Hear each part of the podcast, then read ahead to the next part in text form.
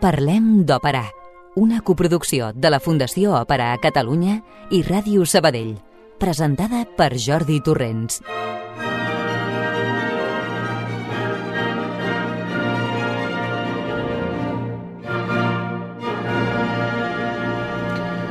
Bona nit a tothom.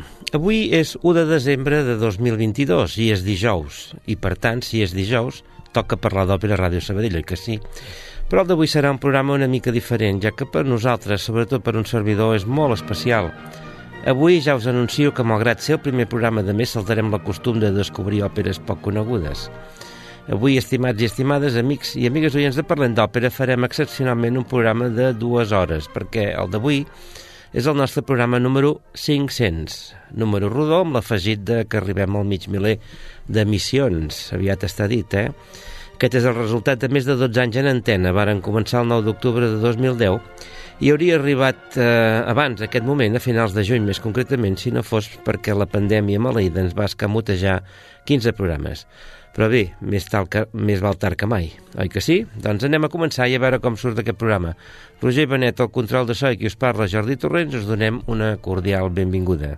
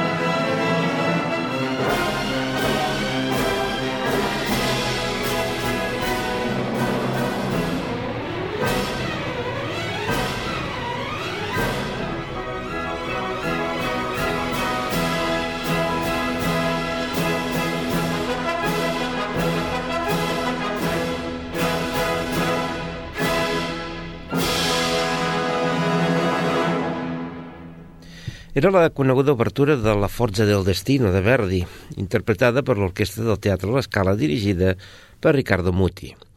Per què hem començat amb aquesta peça el programa especial número 500? Doncs, en primer lloc, perquè m'agrada. En segon, perquè en Verdi ha estat el compositor que més vegades ha sonat en el programa, seguit de Mozart, Rossini, Donizetti, Puccini i Wagner. I en tercer lloc, perquè per mi té un valor simbòlic. Mireu, fins on m'ha portat el destí. jo que ni escoltava la ràdio, més de 12 anys darrere un micròfon i arribant a fer 500 programes. M'encarrego de quasi tot, trio el tema i la música, faig el guió, enregistro i el tècnic de sol a l'altra banda d'aquest vidre que tanca l'estudi, donant-me suport perquè tot surti bé. Una salutació especial a Sir Roger Bennett, el tècnic actual que, com ell diu, i ho corroboro, fa màgia, perquè sempre quedi el programa ben quadrat, que no sempre és fàcil, eh? Moltes gràcies, Roger. I també vull recordar els que ho han fet abans que ell, el Guillem Mota la primera temporada, la Rocío García durant moltes temporades, i el Toni González, que encara ara s'hi ha de posar si el Roger en fa el salt per alguna d'aquelles prioritats estranyes que té la ràdio, eh? I també en alguna ocasió la Bea Aguilar. A tots ells, gràcies.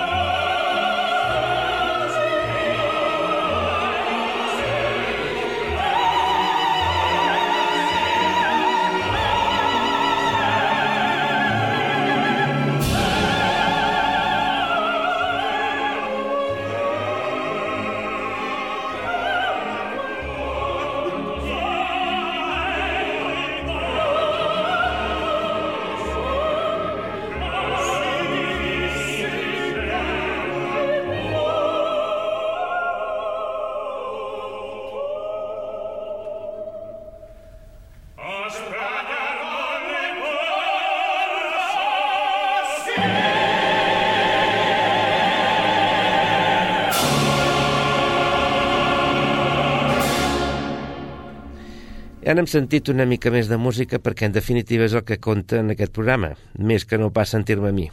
Era el sextet de Lucia di Lammermoor, Qui mi frena in tal momento, amb Josep Carreras, Vicente Sardinero, Montserrat Cavaller, Samuel Raimi, Anne Murray, Clays Anjo i eh, l'Ambrosian Opera Chorus.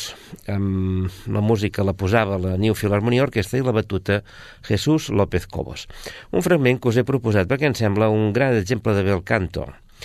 Per cert, sabeu quines són les òperes que no han fallat en cap temporada? Doncs en primer lloc Il Trovatore, que fins ara ha sonat inclús en aquesta tretzena temporada. I després Così fan tutte, que per ara s'ha quedat en la dotzena, però que ja sortirà, no patiu. Mira, per exemple, ara mateix, si us sembla, s'ha de notar que és una de les meves favorites absolutes, eh? Sentirem el preciosíssim tercet Soave sia il vento amb Elisabeth Schwarzkopf, Fiordiligi, Cristal Ludwig, Dorabella i Walter Berry, Don Alfonso, amb Carl Bem dirigint la Filharmonia Orquestra, de les moltes versions que tinc, la meva preferida. La lletra d'aquest fragment ens parla de eh, desitjos per a un bon viatge i ens ho dediquem a nosaltres mateixos per tal de tenir una bona cingladura fins al miler de programes. Uf.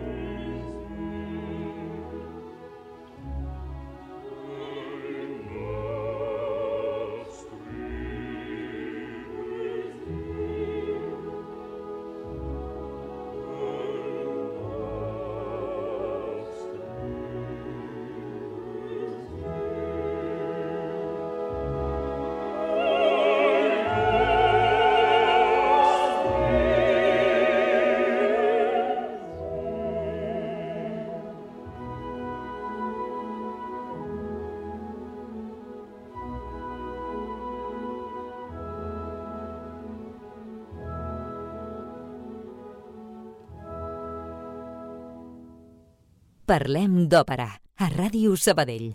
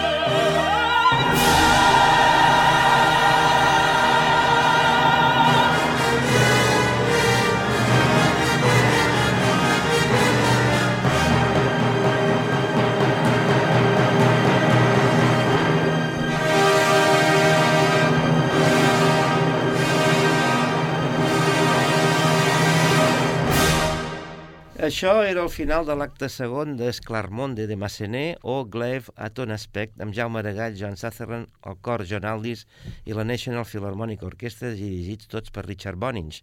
Està clar que ha de dirigir ell si canta la Sutherland, no? Per què ho hem posat? Doncs mireu, un ja llunyà 17 de setembre de 2015, en el que fou el programa número 206, em va demanar de posar aquesta música algú que va començar a col·laborar amb nosaltres de manera tímida i una mica passatgera i que amb el pas del temps s'ha fet imprescindible a Parlem d'Òpera amb programa mensual propi i tot. Donem la benvinguda a l'il·lustre mestre Albert Ferrer Flameric. Moltes gràcies. Mira, ara al dir aquesta peça he pensat, això vols dir que no és una peça que jo he triat per aquest programa especial? No, el vaig triar la primera Però vegada que vaig participar. I com que ja saps que jo tinc tot Sí, apuntat... sí, tu ets com la Gestapo de la ràdio. Exacte, però de bon rotllo, eh? bueno, bueno, depèn, si arribo tard no tan bon rotllo. Bueno, mira, avui t'he perdonat la vida. Bueno, us imagineu que són més de set anys aguantant les trompeteries i el verb florit i sense que se li conegui fi d'aquest senyor? Bé, jo encantat de tenir-lo aquí, eh? poder donar alguns bons moments als nostres oients, sempre amb el bon humor que caracteritza els programes que ja n'ha fet 40, en diem a lo flameric. Expropiese. Per cert, he de dir que tu t'has quedat amb la trompeteria, però que en realitat el fragment, la sintonia, que de moment no diem qui, quin fragment és, algun Sí. dia farem algun concurs, concurs, o alguna sí. cosa, Mhm. uh, no és per la trompeteria, que en part també, sinó és perquè té aquell passatge uh, final de timbals, timbales sí. a solo, que això és un... És allò que un... t'agafen ganes d'envair Polònia, no? I No, no, no. El put- Alguna polonesa sí, el, però... el Putin et va agafar la idea. Molt bé, que tenim, tenim, el tenim a punt, eh? El, Sí. el Sir Roger Bennett. Home, tu diràs. bueno, jo he demanat al Flameric que ens tria algun fragment pel programa d'avui i així ho ha fet i ara posarem el primer.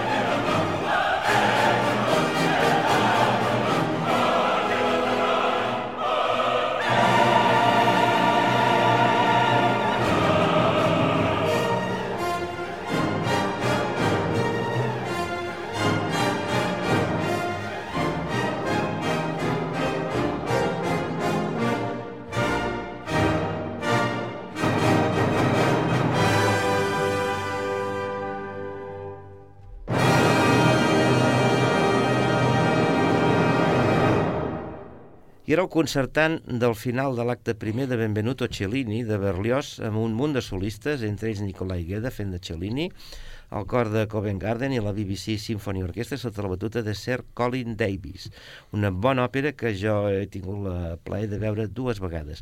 Però penso que conté moments molt millors que aquest. Que. Bueno, però és d'aquells concertants, ja saps que també els concertants solen ser un moment eh, flamaric Sí. i per tant eh, aquest el volia posar perquè és molt estrany. A més a més, abans, uns eh, un parell de minuts abans, un número abans, eh, un parell de números abans més ben dit, dins d'aquest concertant que van cadenant doncs, eh, números, no en una línia mozartiana, però eh, hi ha l'obertura, el carnaval romà inserida allà amb el cor, i aquest fragment en concret l'he volgut posar perquè és un reciclatge. Berlioz, com Rossini, va reciclar moltes músiques seves mm. i eh, moltes peces que després trobem al llarg de la seva obra pertanyen a una missa de l'any 1824, que és eh, la missa Solemnis, que durant molts anys, fins al 90, em sembla que és, va estar desaparescuda, però es va trobar, el Gardiner va oferir una... la van registrar, em sembla que el 92. Prèviament ja hi havia un petit enregistrament, un altre enregistrament d'uns altres solistes, però és una missa de joventut que conté molts dels temes que després apareixen a la Sinfonia Fantàstica, apareixen en òperes, apareix amb la cantata aquella La mort de Cleopatra, és a dir, és una matriu molt important on ja hi ha moltes idees de Berlioz que després explota també amb el Requiem, etc etc. I precisament aquest eh, passatge coral doncs està tret del Et Resurrexit d'aquesta missa, de la qual, per cert, també hi ha dues versions d'aquest Et Resurrexit, una amb tenor, amb tenor solista i una altra amb els baixos. Per tant, eh, Berlioz, un mestre d'això de l'autocitar-se i la reelaboració, perquè en la reelaboració sempre hi ha un pas de reflexió estètica i, bueno, en fi, obriríem el debat cap a altres temes, però... Bueno, que vivia de reptes el Berlioz com, com Toto, hijo de vecino. Uh, sí, i a part que és un dels meus compositors predilectes. Fantàstic. Bueno, ara el segon fragment, que ja sé que també és un compositor predilecte teu, te'l deixo passar. No sé si hauria de fer-ho perquè a mi precisament és un compositor que no m'agrada gens. No he pogut entrar mai, m'avorreix. Però vaja, em, em, sento, em sento generós avui ah. i, te, la- i te la deixo passar.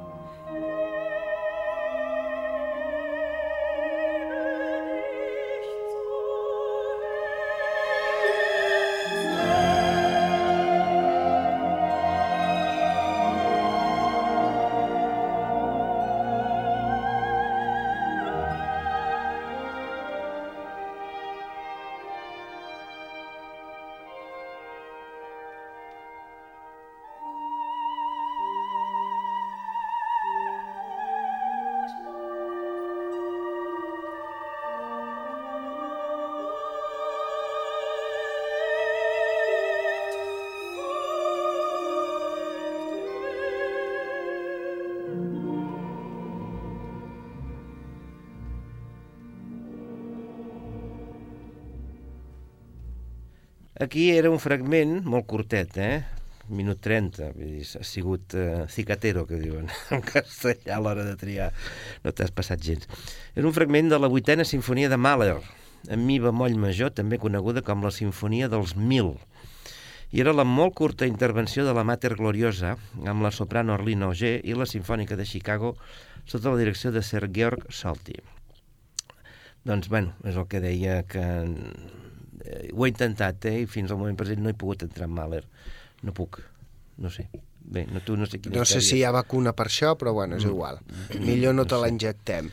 No, uh, no, home, per- sí, Mahler, eh, Mahler és uh, també un de, pues, una de les, entre cometes, i amb modèstia especialitats de, de la casa d'un servidor que hi hem dedicat uh, moltes hores, moltes crítiques, uh, alguns treballs acadèmics i alguns que vindran, i evidentment la vuitena uh, és fonamental, és una sinfonia molt mal entesa, que molta gent prefereix la segona part abans que la primera, tot i que el Beni Creator és compositivament molt superior, però eh, per què l'he posat? Home, doncs perquè aquesta sinfonia, que és sinfonia, que és cantata, que és oratori, que és missa, eh, en realitat és l'òpera que, no va diri que no va escriure mai Gustav Mahler, que va ser el director d'orquestra més important de la, de la seva època, no només pel seu pas a l'òpera de Viena, sinó també els últims anys quan va estar a Nova York i estava allà ja despuntant un jove Toscanini a Nova York. Mm i per tant doncs és, una, és a més a més aquest final amb aquesta mater gloriosa que apareix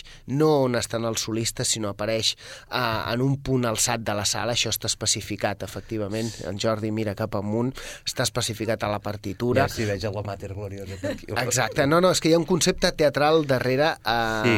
que és força fidel, eh, almenys conceptualment, a l'obra de Goethe i que a més a més acaba, aquí no ho hem posat, però només t'he posat aquesta, aquesta joia que és com una cançó, eh, com un lit inserit allà, dolç, que és bressolador, que és, eh, bueno, en fi, és d'una sens sensibilitat extrema, doncs tot està planificat mm. eh, d'una manera molt teatral i per això al final acaba eh, apareixent una banda de metalls eh, a l'interior de la sala, però en el punt més elevat, com posa. Mahler a la partitura, perquè hi ha darrere tot un simbolisme d'aquesta ascensió del final del Faust de bé. Goethe.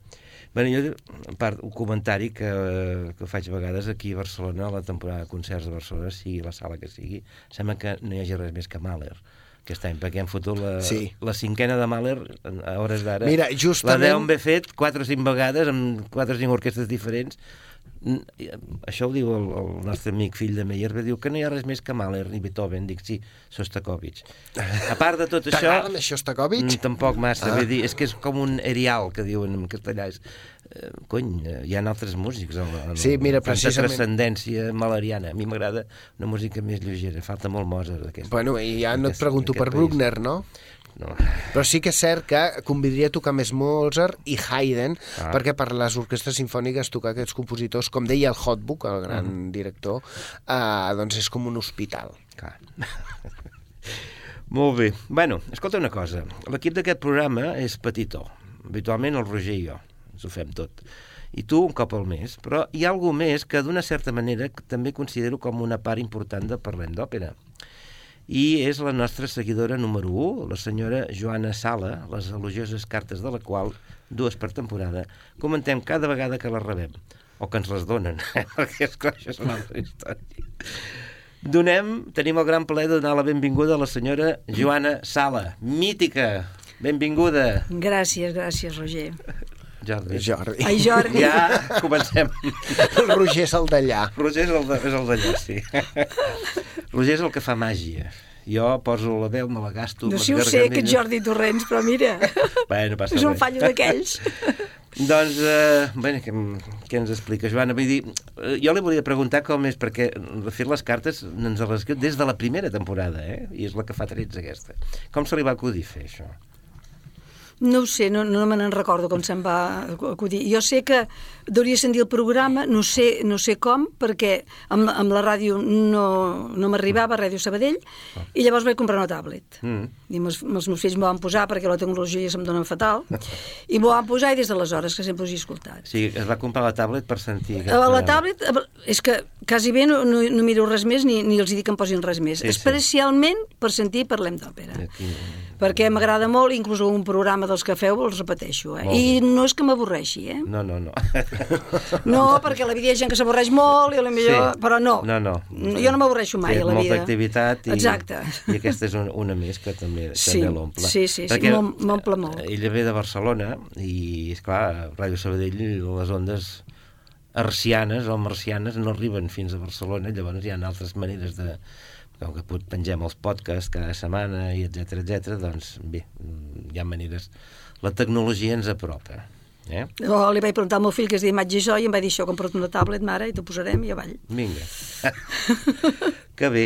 Mira, mm, també ara continuarem parlant, però també li he demanat a la senyora Joana que triés un fragment i va estar dubtant perquè... Oh, és que n'hi ha tants de fragments. Sí, però bueno, un de dir, va, posem-lo i bueno, la seva tria doncs, ha estat uh, una esplèndida àrea que jo considero que és una àrea que té de tot té totes les qualitats per lluïment de la soprano, bàsicament, que és el Pache Pache Mio De la força del destino, sí. senyora de l'acte quart de la força del destino de Verdi, una òpera que es fa poc a mi i a mi mm, no sé, ara potser diré, diré, em diran heretge, però jo quasi diria que és el- l'òpera de Verdi que més m'agrada, mireu que us dic.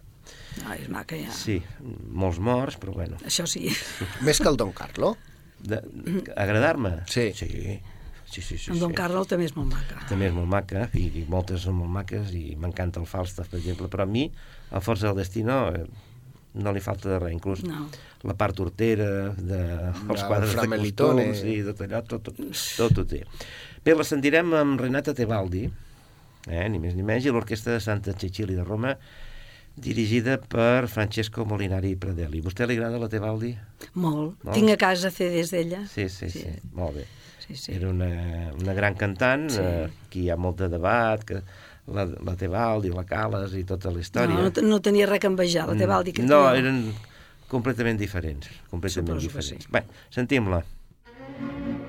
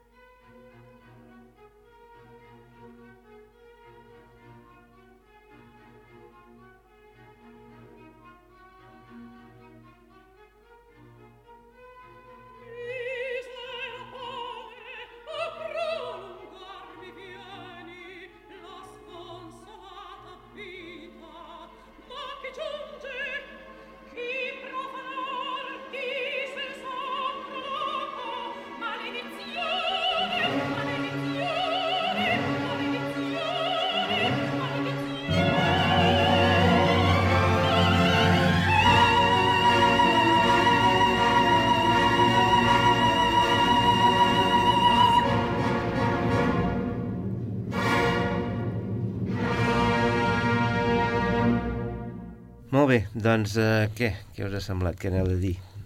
Tu també pots parlar, eh? A mi m'agraden molt els concertants, també. Els concertants, Sí. així ens esteu d'acord. Els concertants m'agraden molt, Sí. molt, Veus? també. Ara, per programa, te'n menjaràs un. I Bueno. per cada òpera nova que posis a la sèrie, ja saps que n'has de posar un. A mi els concertants ja m'agraden també, eh? Vull dir, no, no, no he dit eh, el contrari. Jo t'he dit que només que aquell tros del Benvenuto que hi ha Bueno. peces que... No, l'he posat, l'he posat precisament perquè és un d'aquests reciclatges i que molta gent no coneix perquè la missa aquesta és poc, eh, poc No, coneguda. però hi ha, hi ha molts concertants molt macos al Sí. llarg de totes les òperes. Mm, i tant, i tant, i tant. a mi, a mi m'agraden moltíssim. I tant. Mm, de fet, en sentirem més, eh? Perquè el que... Com que ja us he avançat que li vaig demanar una peça també a l'amic eh, fill de Meyerbeer i també ha triat un concertant. Veus? Ah. Ah, encara hi ha classes, que diria una amiga meva. Llavors demanaré, eh, setarem apostes, aviam si endevinem l'ò- l'ò- l'òpera que, que haurà triat. A veure, Molt bé, bueno, eh, doncs què més? A veure, mm, expliqui'ns eh, la seva activitat operística, perquè jo sé que vostè ve aquí a Sabadell, és abonada, oi? Sí, I al sí. Liceu.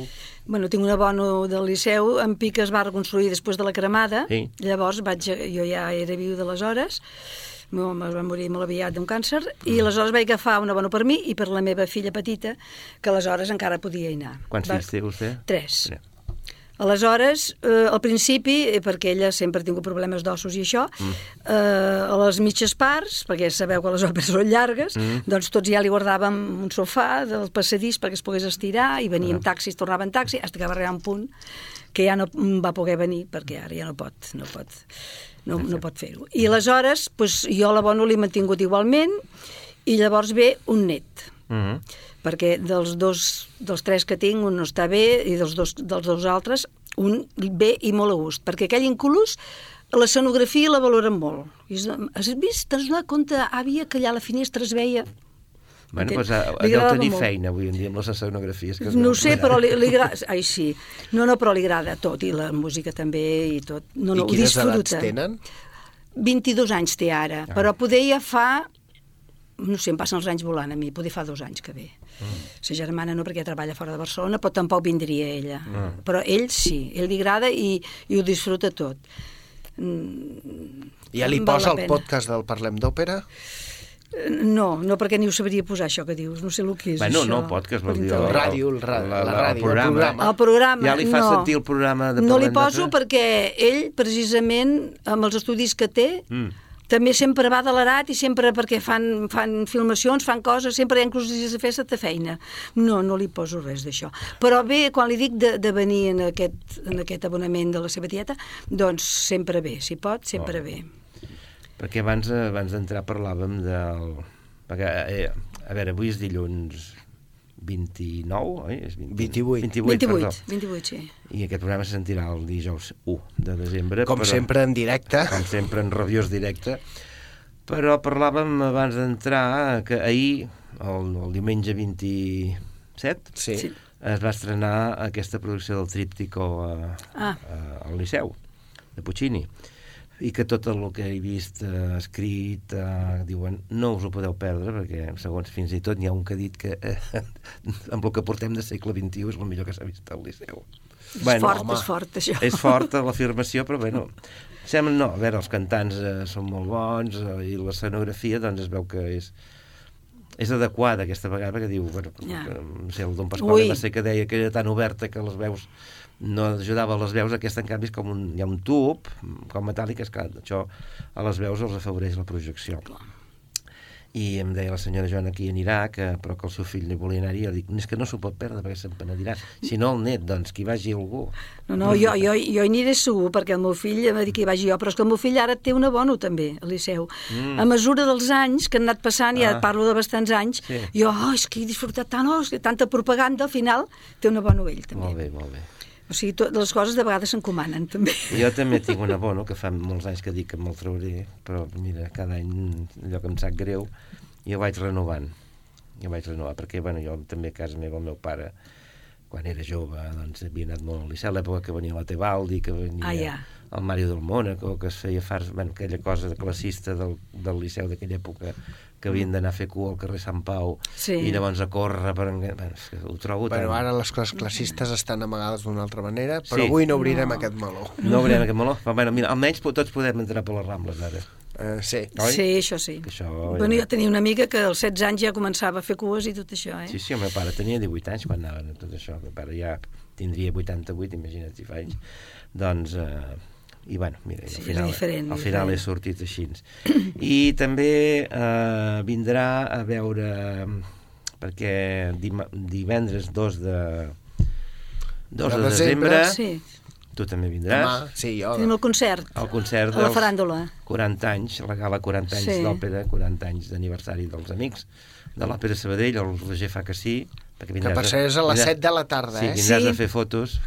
Sí, és a les 7 de la tarda, això sí, eh? Tothom que no es, no es presentin allà a les 8 que no No. entraran, perquè no hi ha mitja part, Ah, Ah, molt bé. fas bé de dir-m'ho. tot seguit. Sigui Molt que bé, millor, al millor. lavabo ja has d'anar abans. No, no, bé, bé, bé, bé, bé, bé, bé, Mhm. bé. doncs eh, tindrem el goig de fer aquest concert, la Mirna està il·lusionadíssima, no? Programa, programa que ja vam comentar amb tu en aquella conferència a Reus, amb la Mirna aquí a Sabadell, Correcte. i que aquesta mateixa setmana hauré comentat a Barcelona i a Terrassa amb el Daniel Gil de Ah, a Barcelona Tejada. també va, no m'ho havia dit a Barcelona. No, en principi ho, faig sol, ho vaig fer sol. Ah, ho bueno, ho faré sol, sol. ho faig avui, però diguem que ja has passat. Molt bé, Aquestes molt bé. coses del directe sí, pretèrit. Del, del directe pretèrit, exacte, està bé aquesta expressió. Molt bé, eh, sentim... Eh, us agradaria sentir la darrera petició del Flameric? Sí, no me'n recordo quina és. Ja te la diré, ja te la recordaré quan la sentim.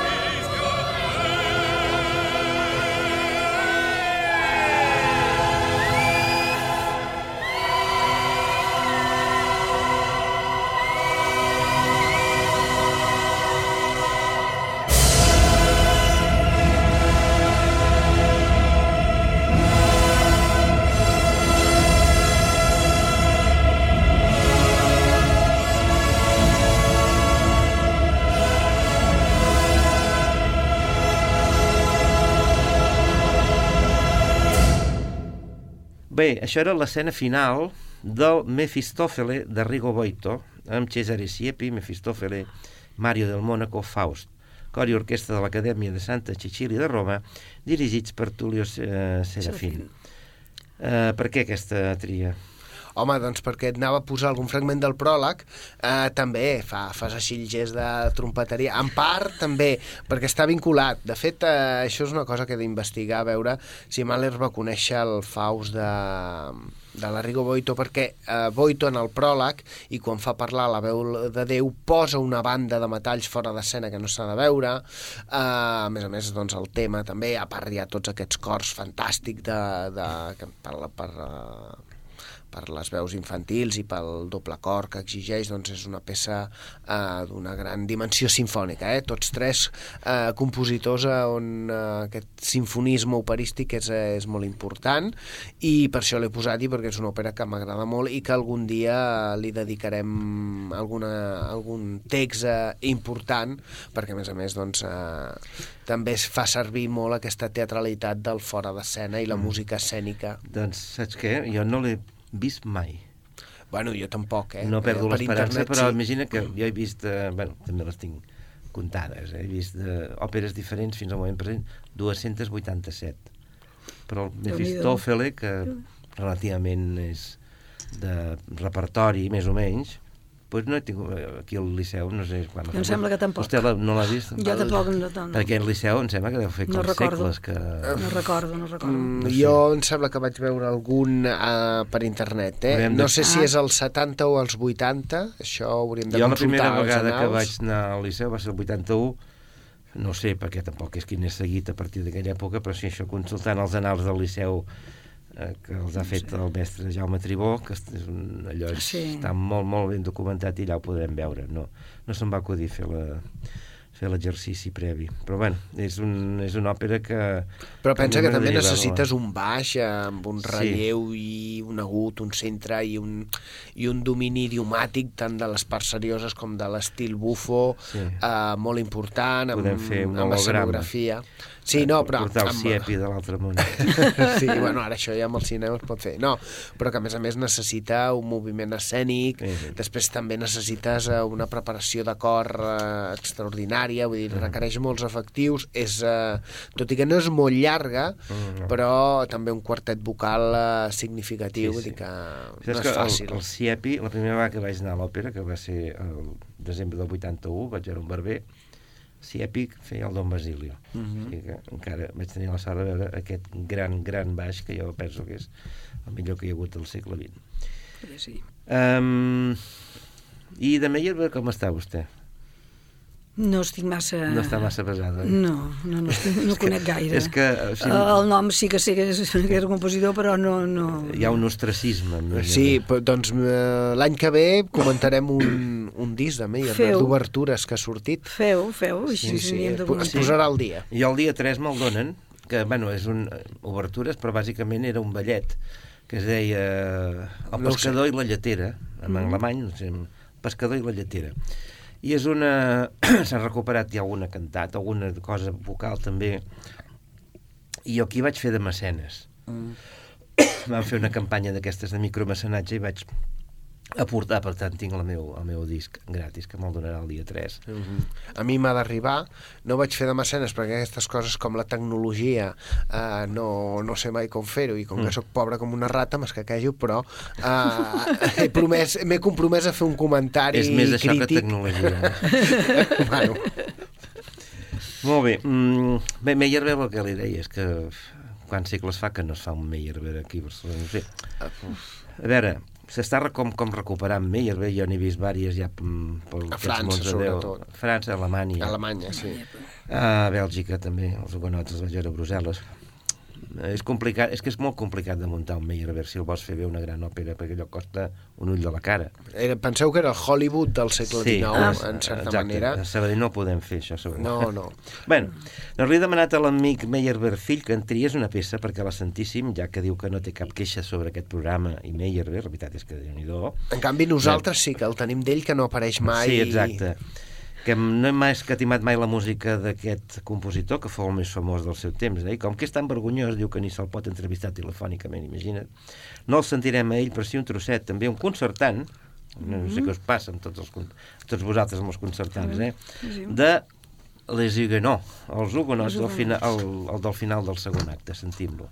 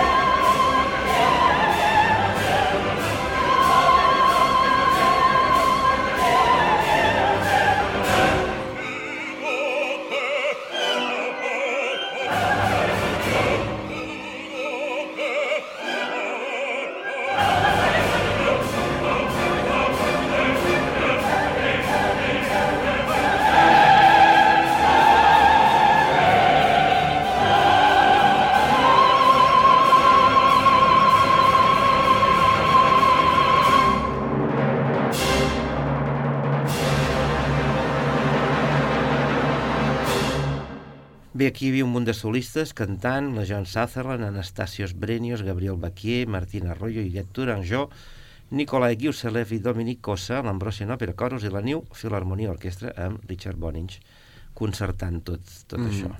típic també que l'acte segon o l'acte tercer dins el model de la gran òpera francesa hi hagi aquest concertant amb tothom a escena, habitualment una banda o uns afegits musicals damunt, eh, damunt l'escena fent aquesta música escènica i eh, la confluència de les dues trames, diguem, la- l'amorosa i la històrico-política o en aquest cas religiosa eh, en fi, era una de la, Sí. un dels vectors d'aquesta òpera francesa Els dos primers, jo com la vaig veure, els dos primers actes són així com molt festius i molta juerga i festes.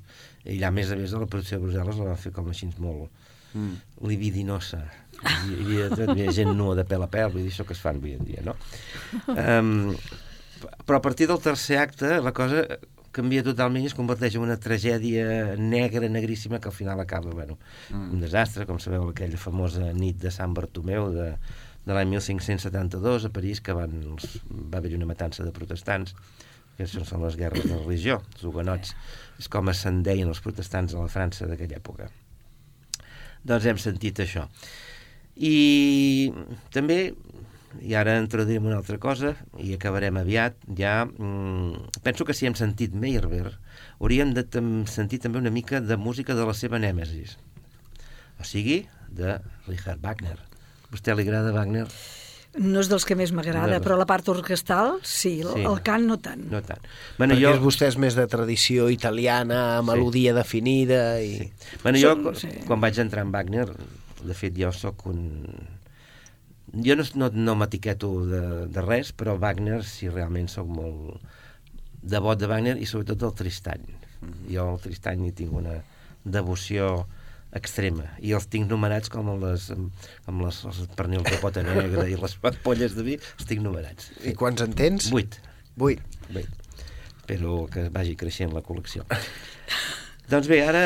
mm, O sigui, Wagner, eh, ja ho hem dit, que és un dels compositors que més han sortit parlant d'òpera, i proposo una àrea o un monòleg, no sé si ben bé si en Wagner eh, és correcte parlar d'àries o no és correcte. Sí, sí. Sí, perquè són números que tenen... Sí. Clar, no tenen l'estructura de diversos temes Mm. en el sentit, diguem, tradicional d'un Verdi, que per Sí, aquests no. anys doncs, una àrea pot tenir diversos temes musicals, perquè juga amb leitmotiv, però sí, és, sí, àrea, monòleg... Eh... Sí. No, no és recitatiu ària que boleta. No. No, no, no, no. això no. Para nada. això no.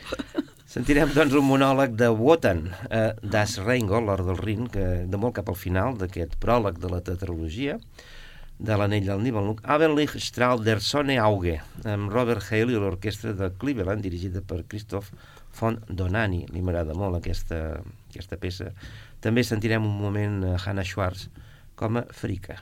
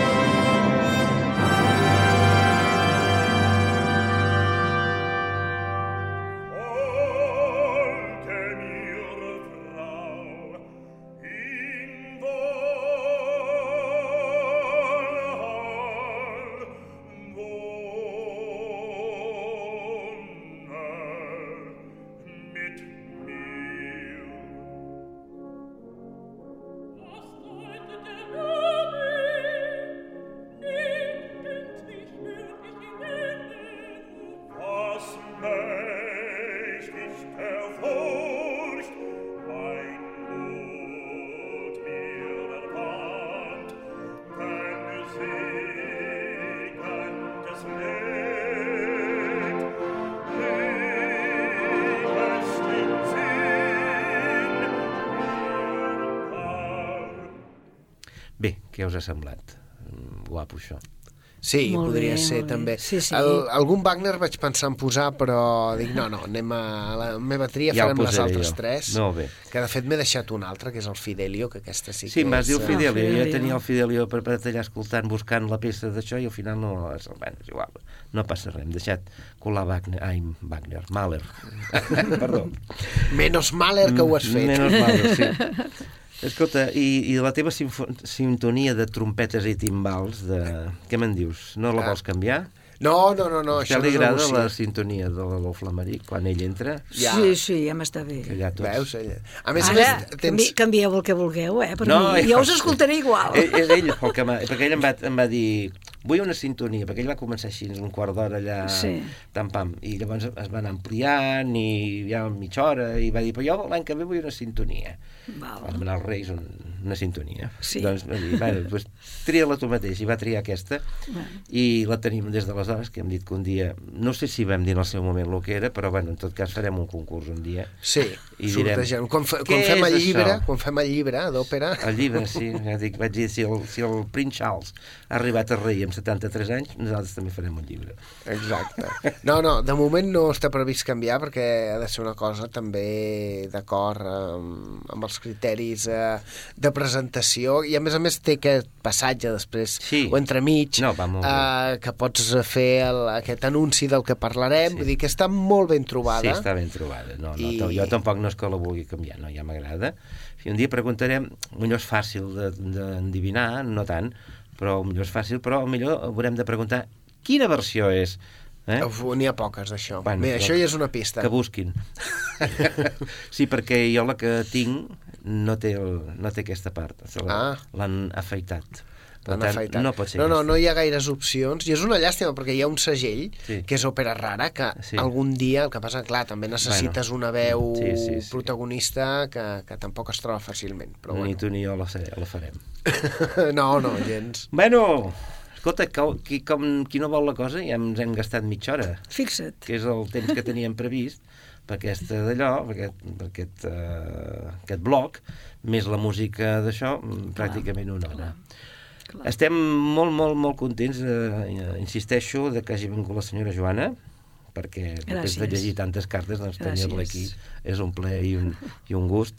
I, I bé, doncs jo les gràcies les donem nosaltres perquè mm, sigui tan fidel seguidora d'aquest programa, que bé, és un programa jo penso que modest, però que es fa amb molta, amb molta cura i amb molt de I tant, i carinyo tant, i, i molt d'amor per l'òpera. I tant, i tant. I estic segur eh, que eh, tots els programes d'òpera que es fan a les ràdios catalanes i espanyoles no en trobareu cap que hagi que posi una música tan poc coneguda com aquest. Oi? Sí, la diversificació Sí. del repertori. Jo el Sí. que diria, aviam, veure, no diré de cara al 1000, a veure si pot ser abans, que hi hagi també programa en públic. Això voldrà dir que Molt parlem d'òpera. Quina tabalamenta. Saps que la primera intenció de fer aquest programa dels 500 va, se'm va acudir anar a la sala del principal, a la saló del principal, allà passar gent, però vaig dir, uf, quin enrenou, fora. Ho matem aquí i, i ja està. Bueno, Fins bé, a la molt bé. Molt bé, molt bé. Moltes gràcies, Joana. De res, a vosaltres sempre. Gràcies, gràcies, Albert. Ens veiem, Ens veiem eh, aviat. la setmana que ve, la- ja toca. Vinga, nosaltres continuem el programa. Parlem d'òpera. Un programa per escoltar i aprendre a escoltar. I ara us voldré parlar una mica del concert que just demà, divendres dia 2 de desembre, a les 19 hores, tindrà lloc a la Faràndula. La Gala 40 anys d'òpera, eh, que serà per celebrar els 40 anys de l'Associació d'Amics de l'Òpera de Sabadell. Ens fa molta il·lusió aquesta gala, amb quatre solistes, el cor, l'orquestra i tres directors. Res a veure amb les gales del Met, aquelles botifarres immenses que no s'acaben mai, amb tot el ferro fort del món mundial. Nosaltres ho farem d'una altra manera i per començar un tast d'una de les peces que sonarà.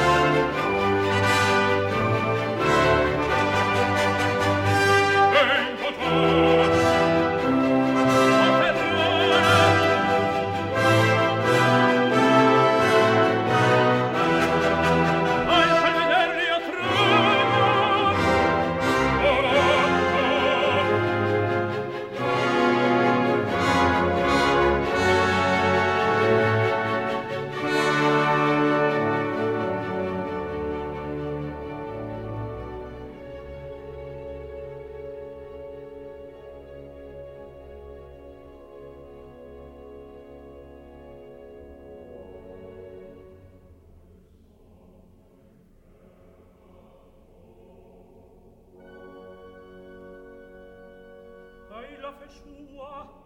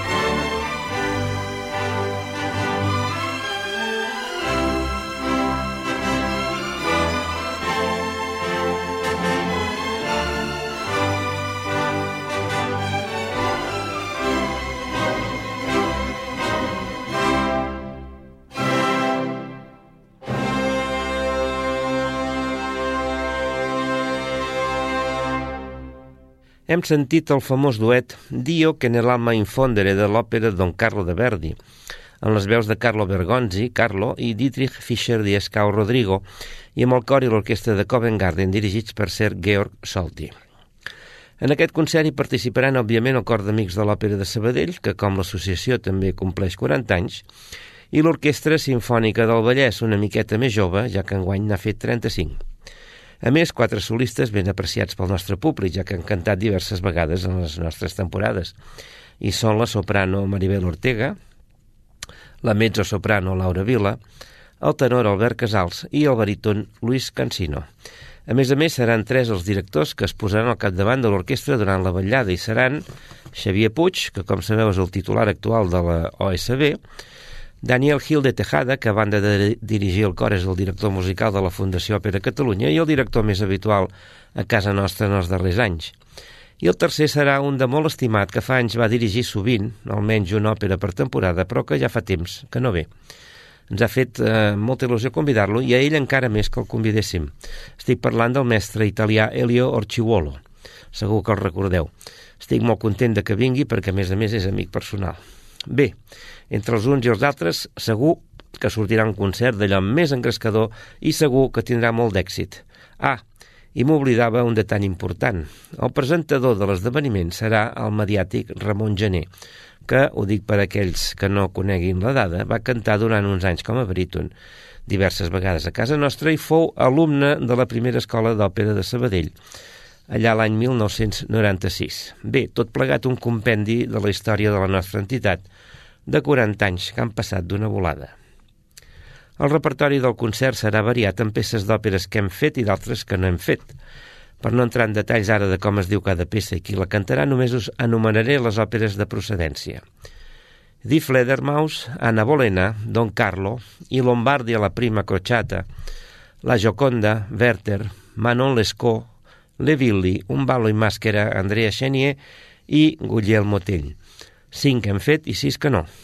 I ara voldria que sentíssim un fragment d'aquestes que no, que és de Levilli, la primera òpera de Puccini, i serà el cor d'introducció E Viva i Fidanzati, amb l'Ambrosian Opera Chorus i la National Philharmonic Orchestra, dirigits per Lorin Mazzel amb una petita intervenció de Leonucci.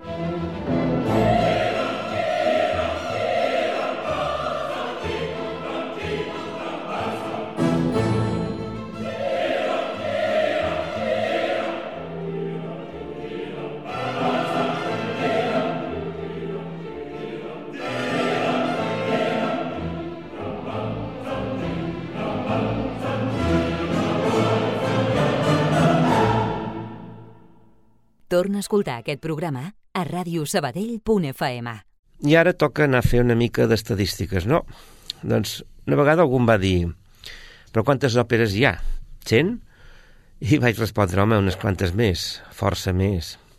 Doncs bé, a que no diríeu mai de quantes òperes, sarsueles, operetes i escenes líriques diferents hem sentit música en aquest programa?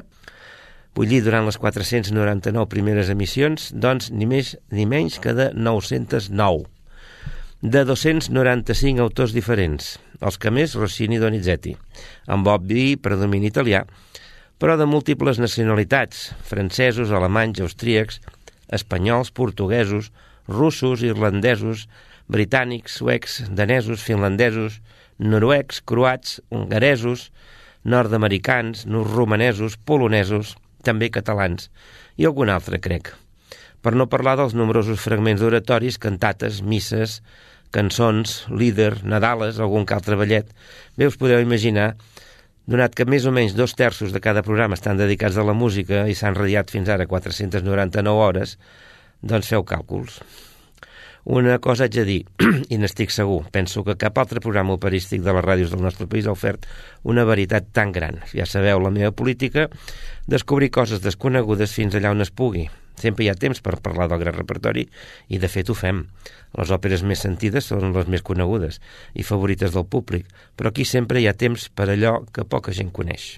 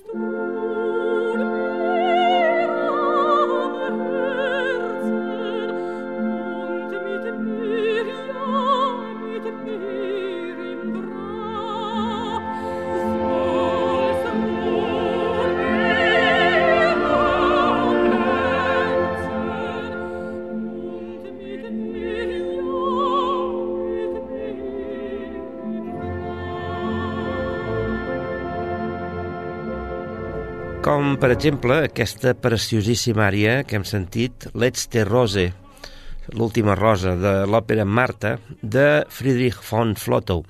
Deliciosa òpera romàntica alemanya que, em direu, no és una completa desconeguda, cert, però que gairebé tots coneixeu és l'àrea del tenor, i moltes vegades en versió italiana, i no pas aquesta de la soprano. Era la meravellosa Lucia Pop amb l'orquestra de la ràdio de Munic, dirigida per Heinz Wahlberg, al final s'hi unia la veu del tenor Siegfried Jerusalem. i han fet programes dedicats en exclusiva a innumerables estrelles de l'òpera, algunes de viu en viu, com ara Leontin Price, o René Fleming, o Plácido Domingo, i també Montserrat Cavaller quan encara era entre nosaltres. D'altres vegades hem parlat de grans cantants o músics ja traspassats fa temps. La Cales, la Divina, en Corelli, el tenor de la veu d'or, Leila Genscher, la diva turca, Victòria de Los Ángeles, 10 anys de la seva mort, Renata Tebaldi, la Voce d'Àngelo, etc. També s'han fet homenatges quan ens ha deixat una patum important. Teresa Berganza, l'última, en el programa número 481. Edita Gruberova, Montserrat Cavaller, Mirella Freni, Nicolai Gueda, Ingeborg, Gabriel Baquier, Enzo Dara, Daniela Dessí, John Vickers, Carlo Bergonzi, Dietrich Fischer Dieskau, Joan Sutherland, que fou la primera en el programa número 3, Shirley Barrett, Jersey Norman, Krista Ludwig, Claudio Abado o Magda Olivero. En altres ocasions ho hem fet pel centenari del seu naixement. Mario del Mónaco, Elisabeth Schwarzkopf, Ettore Bastianini, Birgit Nilsson, Giuseppe Di Stefano, Leonard Bernstein, Sir Georg Salti i Renata Tebaldi. Per no parlar dels molts que hem recordat de manera més modesta motiu del seu traspàs en diversos programes titulats In Memoriam o amics d'altres emissions. I ara sentim a la Cales.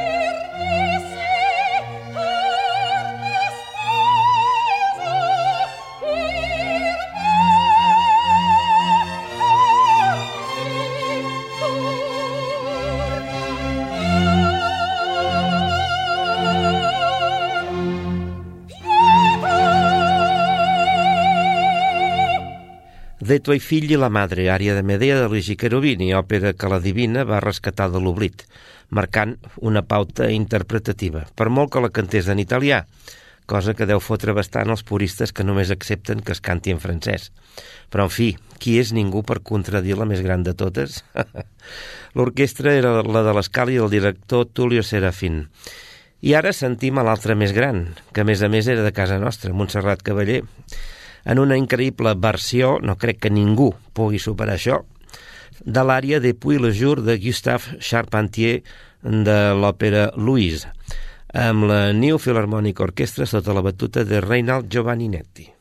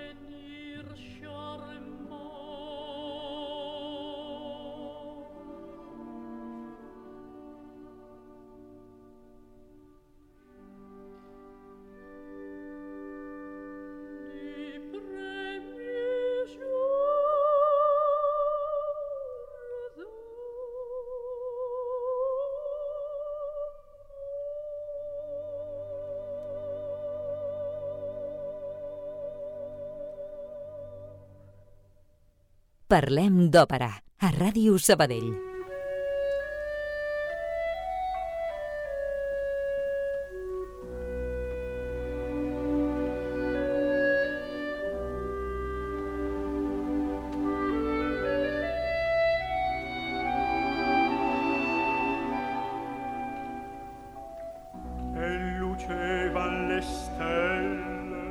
I bé, tots coneixeu aquesta melodia, que és el Eluce van l'Estele de Tosca i en la veu de Giuseppe Di Stefano. És la sintonia de la secció mensual Personatges del mes, secció que presenta una cantant femenina i un cantant masculí ja traspassats i nascuts en el mes en qüestió. La secció ens acompanya des d'octubre de 2013 i encara hi ha material per temps. Fins ara han passat per ella 214 artistes. Els primers foren Lila Genscher i Gianni Poggi, l'octubre del 2013, i els darrers Ingrid Bjoner i Anthony Rolf Johnson el passat novembre. déu nhi eh? Doncs ara, mira, sentirem Alfredo Kraus, que fou el personatge del mes de novembre de 2013, interpretant la famosa àrea Pourquoi réveillé del Werther de Massenet amb la London Philharmonic Orchestra dirigida per Michel Plasson.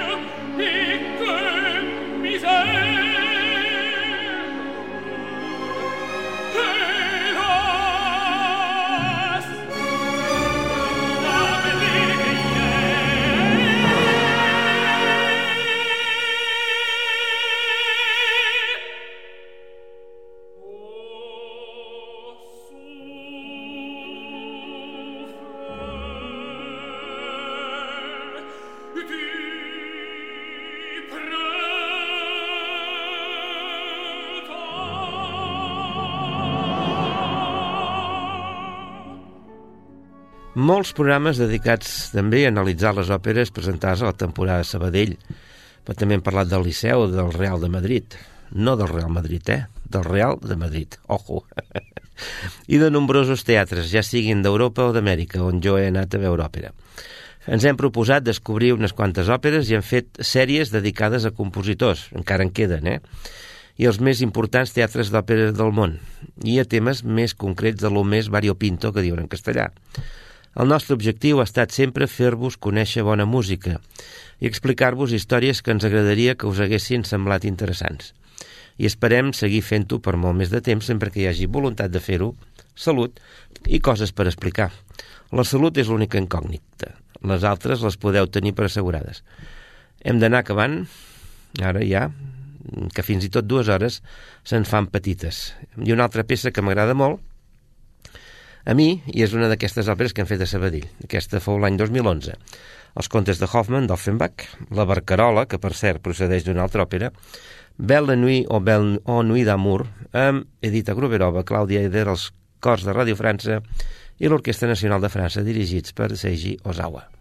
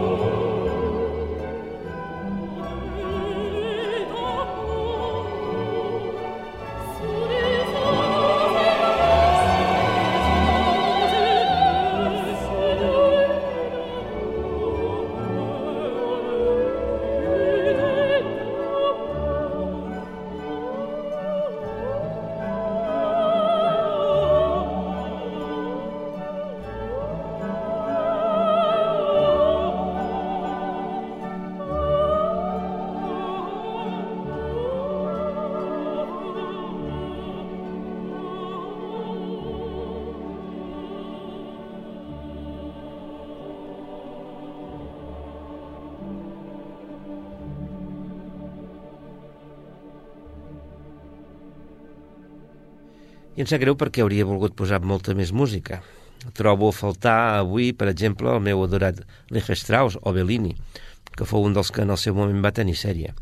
També recordar una mica la quantitat de persones, en general artistes, però no sempre, que hem entrevistat, ja sigui presencialment a l'estudi o telefònicament per parlar de produccions d'òpera on intervenien, o de llibres que havien fet, o simplement per parlar de les seves carreres, com fou el cas la primera temporada, dels tenors Jaume Aragall, a qui vaig entrevistar amb una enregistradora manual en el Teatre Principal de Sabadell en una època que jo ni sabia com anaven aquells estris, un desastre de sol, entrevista, o del Mau González, aquest ja dins de l'estudi i amb garanties de so. Recordar ràpidament els compositors que ens han proporcionat les sintonies dels programes al llarg dels anys. Mozart dues vegades, Bellini, Richard Strauss, Cavalli, Salieri, Donizetti, Rossini, Meyerbeer, Berlioz, Cimarosa i l'actual, que encara no desvetllarem perquè no toca. Amb el Flameric hem presentat multitud de llibres i de CDs, molt d'ells de cantants que ara estan en progressió o en primera línia, i tants que ens han quedat en el tinter. Haurem d'esperar el programa número 1000, no? o, si més no, aprofitar els números rodons que s'aniran trobant a mig camí, 600, 700, 800, no sé. El que el Jordi Torrents us pot dir és que té ganes de parlar d'òpera encara per molt més de temps i anirem fent com fins ara, sempre d'una manera honesta i directa, com és el nostre costum. I esperant que no tingui aquesta veu de nas que tinc avui, que, bé, per desgràcia, m'ha enganxat encostipat. I demano disculpes. I ara sí, ara ens acomiadarem de tots vosaltres en aquest programa especial de dues hores de durada. Parlem d'òpera número 500. Tot desitjant que us hagi agradat. Bé, de fet, ara això us, ho desitgem a cada edició, eh? Unes ens agradaran més, d'altres menys, però això és normal. Eh? I posarem per acabar una música molt adient, que és la solemne fanfara que a l'hora del Rin acompanya l'entrada dels déus del Valhalla, just recent construït, per sobre d'un arc de Sant Martí que ens acompanyi també a nosaltres al nostre camí, si més no fins al programa 501 que ja s'està escalfant en el forn, eh? i serà d'aquí a set dies. No hi falteu, adeu-siau i fins dijous que ve.